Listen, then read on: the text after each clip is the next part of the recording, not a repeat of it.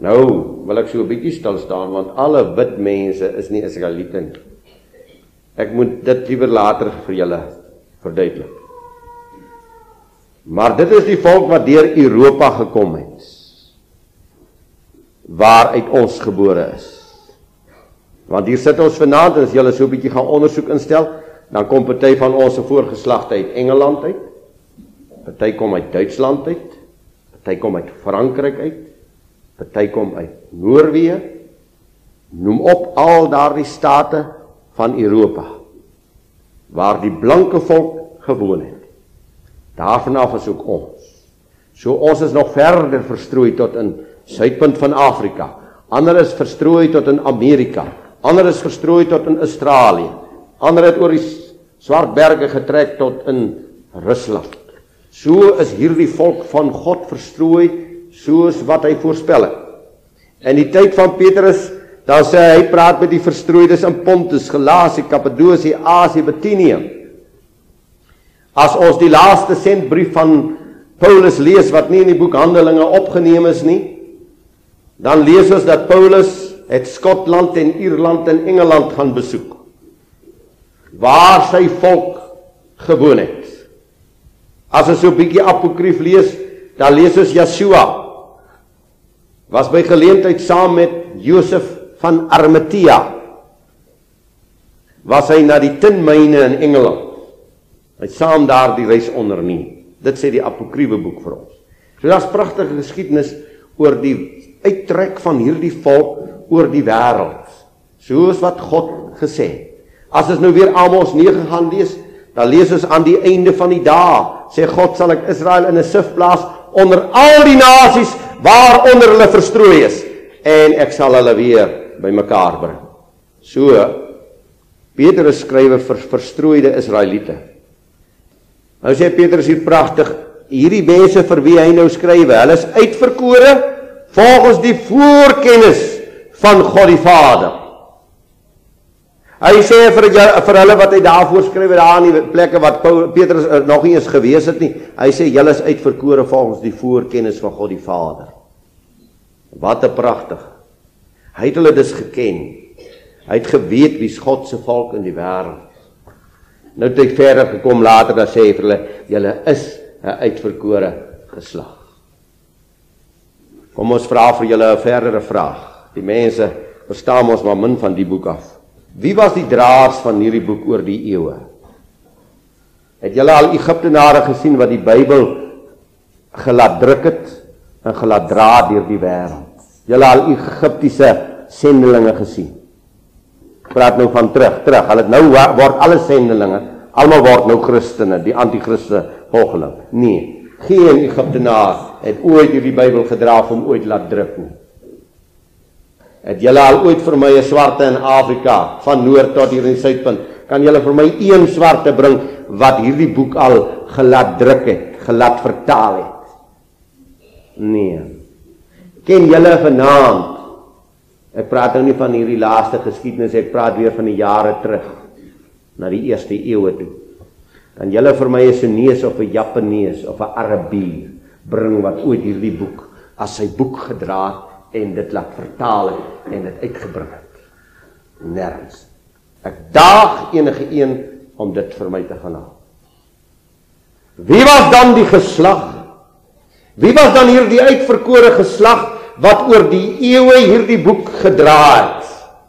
Vertaal het in die verskillende verspreiding van die nasies van Israel oor die wêreld. Net hierdie uitverkore Israeliete, hierdie volk van God die Jode. Hulle lieg mos so lekker die Jode. En jy moet 'n skerp onderskeid maak tussen 'n Judeer en 'n Jood. Daar is Judeërs in die land Palestina. Maar die land Palestina word deur die Jode hanteer. Ek dink die naam Palestynë pas hulle beter. Maar hulle het nog nooit hierdie boek gedra of vertaal nie. Al loop hulle roem, hulle is die godsvolk in die wêreld. Hulle lieg. So daar staan in Openbaring 2 vers 9, daar's hulle wat sê dat hulle Judeërs is, maar hulle lieg. Hulle is 'n sinagoge van die Satan. Watter boek het die Jode geskryf wat hulle hulle Bybel noem? Die Talmud. Daar's al baie groot volumes van die Talmud. Daar staan skrikwekkende goeders in hulle Bybel. Ek gaan net enetjie. Hulle sê as jy son om te steel, jy moet net nie gevang word. Jy moet jy kan steel. Van 'n wit mens mag jy steel sê hulle. Van 'n Israeliet mag jy steel. Jy moet net so goed steel dat jy jou nie vang nie. So jy moet slim wees as jy steel. Verskriklik. Dit staan in hulle Bybel. Die ander gruwel sal ek maar los, want ek wil nie vir julle op hierdie ouderdom vermoei met die gruwels wat in daai taal moet staan nie. So as ek vanaand voor julle staan, dan staan ek as 'n leraar van Israel voor julle en ek sê vir julle, julle is Israeliete en julle is 'n uitverkore geslag. En dis heerlik om dit te weet. 'n Uitverkore geslag. Nou wat is uitverkies? Terwille van die ou heel kleintjies. Sê byvoorbeeld ek het hier so 10 perde, staan 10 pragtige perde. Wie van julle is lief vir 'n perd? Wie van julle sê 'n perd is 'n mooi dier? O, hy is 'n mooi dier. Wie van julle kan 'n perd ry? Dis gaaf, julle moet so 'n bietjie vir my kom kyk, raas hy perd op die plaas. 'n Perd is 'n mooi dier. Nou hier's nou 10 mooi perde. Nou uitverkiesing is so skerp. Ek het net een perd nodig om op te ry. En ek stap die 10 perde so deur en ek haal vir my een daar uit. Sê die ander kan julle maar slagpale toe vat of maak wat hulle wil wat julle wil. Ek vat vir my net hierdie een perd. Ek het hom uitgesoek. Dis 'n lekker ryperd. Troubare perd. Dis geleerde perd. Vat net hierdie een perd. Die ander is nie van belang. God Jahwe. Hy sê vir Israel want jy is 'n volk heilig aan Jahwe jou God. Jou het Jahwe jou God uitverkies uit al die volke wat op die aarde is. Jy moet onthou toe God met Abraham gepraat het. Toe was daar baie volke of nasies op die aarde. Daar het al baie bestaan, maar God haal 'n sekere geslag, 'n sekere bloedlyn uit. En sê julle is myne. Jawe het 'n welgevalle aan julle gehad en julle uitverkies. Nie omdat julle meer was as al die ander volke nie, want julle was die geringste van al die volke maar omdat Jawe julle liefgehad en die eed gehou het wat hy vir julle vaders gesweer het, het Jawe julle met 'n sterk hand uitgelei en jou uit die slawehuis uit die hand van Farao, die koning van Egipte verlos. Nou God sê hy daar is 'n sekere groep, 'n sekere geslag wat hy liefhet. En omdat hy hierdie geslag liefhet, Daarom het hulle uitverkies. Nou gaan ek dit vir julle baie eenvoudig maak dat julle kan verstaan. En julle moet nou baie eerlik met my wees, julle kinders vanaand. Wie wil vir my sê vir wie jy die liefste vanaand op die aarde? Ja? Ja, ek praat nou op die aarde. Jawe is in die hemel. As ek vir jou gevra het vir wie jy die liefste in die hemel? Aha. Vir my ma my pa op hierdie aarde.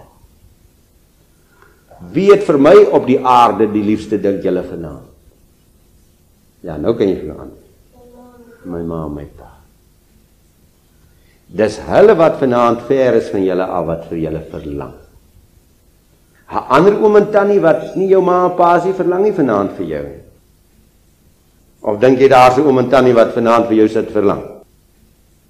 Nee, net jou ma en pa sit 'n verlang vanaand vir jou wat hier ver is. En jy verlang omdat hulle liefhet en omdat jy liefhet. En God Almagtig het lief.